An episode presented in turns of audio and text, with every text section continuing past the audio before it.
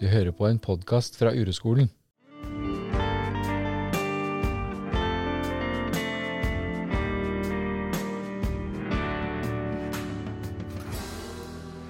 Hei, du hører på Far og sønn. Jeg heter Helge, er 47 år og er faren til Fridtjof på 16. I mine timer som urolærer på Uroskolen kommer ofte barn opp som tema. Og det å bli far det å være far har vært et stort tema i mitt liv.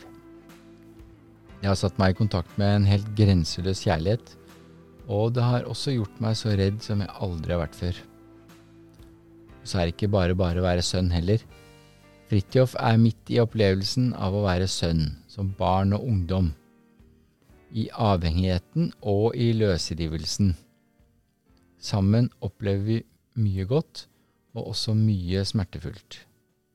Og I de siste fem-seks årene har vi forsket på hvordan vi kan bruke urometoden i våre egne liv, spesielt når livet ikke er slik vi skulle ønske at det var. Så da kom ideen opp om at vi skulle fortelle litt om livet som far og sønn. Både som et spennende prosjekt for oss to, der vi prøver å være så ærlige og sårbare som vi kan sammen, og kanskje er det også noen som vil ha nytte av våre betraktninger i livet. Urometoden har i alle fall gjort at vi har kommet nærmere hverandre.